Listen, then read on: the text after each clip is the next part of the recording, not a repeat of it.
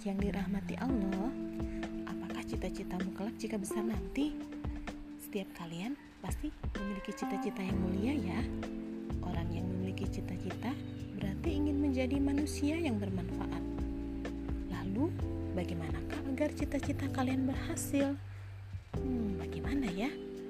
Ya, benar, dengan banyak belajar dan terus berkarya. Dengan banyak belajar, kalian akan menjadi anak yang cerdas, Insya Allah, orang tua kalian pasti ingin kalian menjadi anak yang cerdas. Kecerdasan adalah karunia yang Allah berikan kepada manusia. Allah memberikan kecerdasan akal kepada manusia agar bisa membedakannya dengan hewan. Agar akal juga menjadi tempat ilmu sehingga seseorang dapat mengetahui hal yang mungkin dan yang tidak mungkin dilakukannya. Akal juga adalah tempat berkumpulnya ilmu-ilmu. Akal juga adalah ketinggian naluri seseorang hingga mampu mengalahkan kesenangan duniawinya. Nah, adik-adikku yang soleh dan soleha, kecerdasan akal akan mengajak manusia agar terus belajar.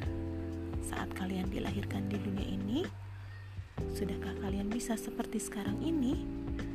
Sudahkah kalian bisa membaca, berjalan, berlari, berbicara, menulis, makan, dan minum sendiri? Allah memberi kecerdasan akal agar kita menggunakannya dengan sebaik-baiknya. Namun, pernahkah kalian merasa tidak cerdas? Misalnya, saat nilai mata pelajaran kita ada yang rendah, atau saat kita tidak bisa melakukan sesuatu seperti bersepeda, berenang, dan lain sebagainya. Jika muncul pikiran semacam itu, sebaiknya kalian hindari ya, setiap kalian adalah cerdas. Hanya saja, kalian belum menyadari dan melatihnya. thank you